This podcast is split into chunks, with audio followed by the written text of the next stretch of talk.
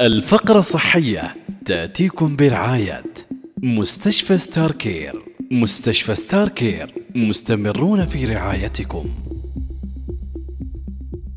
وصباح الخير صباح الصحة والعافية لكم متابعينا نشكركم لمتابعة الفقرة الصحية التي تأتيكم يوميا برعاية ستار كير عمان. ونقول أيضا شكرا لكل من تابع الفيديوهات وعمل لها share و like. الفيديوهات موجودة أيضا على صفحتنا على اليوتيوب. ويمكنكم متابعة صفحات ستار كير عمان على ستار كير hospital عمان على ال social media وأيضا على هاشتاج ستار كير عمان. موضوع اليوم متابعينا في الفقرة الصحية برعاية ستار كير عمان العمل خلال فترة الحمل وما ينبغي فعله وما لا ينبغي فعله في فترة الحمل.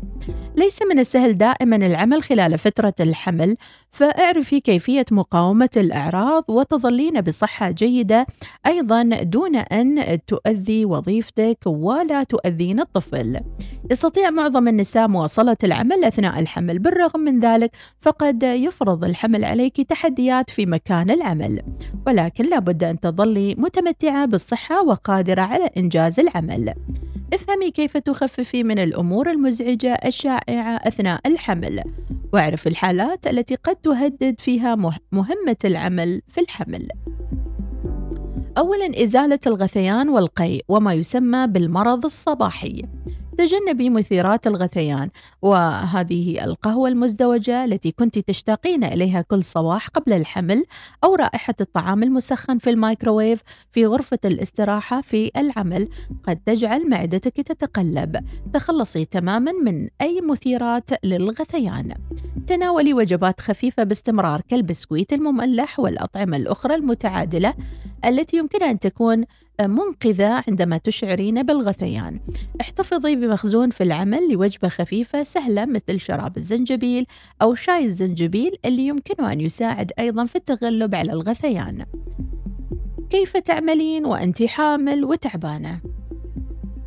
تناول الأطعمة الغنية بالحديد والبروتين قد يكون التعب عرض من أعراض الإصابة بأنيميا نقص الحديد. خذي فترات استراحة قصيرة متكررة والنهوض والتحرك في أنحاء المكان لبضعة دقائق ممكن أن يجدد نشاطك. قضاء بضعة دقائق من غلق الأنوار وإغلاق العينين، رفع القدمين. من الممكن أن يساعد أيضا في تجديد الطاقة. اشربي الكثير من السوائل واحتفظي بزجاجة المياه على مكتبك أو في منطقة العمل واشربيها فيها طول اليوم. تقليل الأنشطة من الممكن أن يساعد تقليص الأنشطة على الحصول على المزيد من الراحة عند انتهاء يوم العمل. حافظي على روتين اللياقة البدنية الخاصة بك، على الرغم من أن التمارين الرياضية قد تكون آخر شيء يخطر في بالك، ولكن بالعكس نقول لك أن الأنشطة الرياضية مفيدة حتى للمرأة الحامل، وتحافظ أيضا على لياقتها البدنية. اذهبي للنوم مبكرا واستهدفي النوم لمدة ثمان ساعات على الأقل. استلقاء إلى الجانب الأيمن سيزيد من تدفق الدم لطفلك والجنين ويخفف من انتفاخات القدمين. وللحصول على المزيد من الراحة ضعي وسائد بين قدميك وأسفل البطن.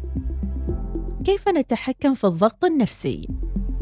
إن الضغط النفسي في العمل قد يستنزف الطاقة التي تحتاجينها للعناية بنفسك وطفلك.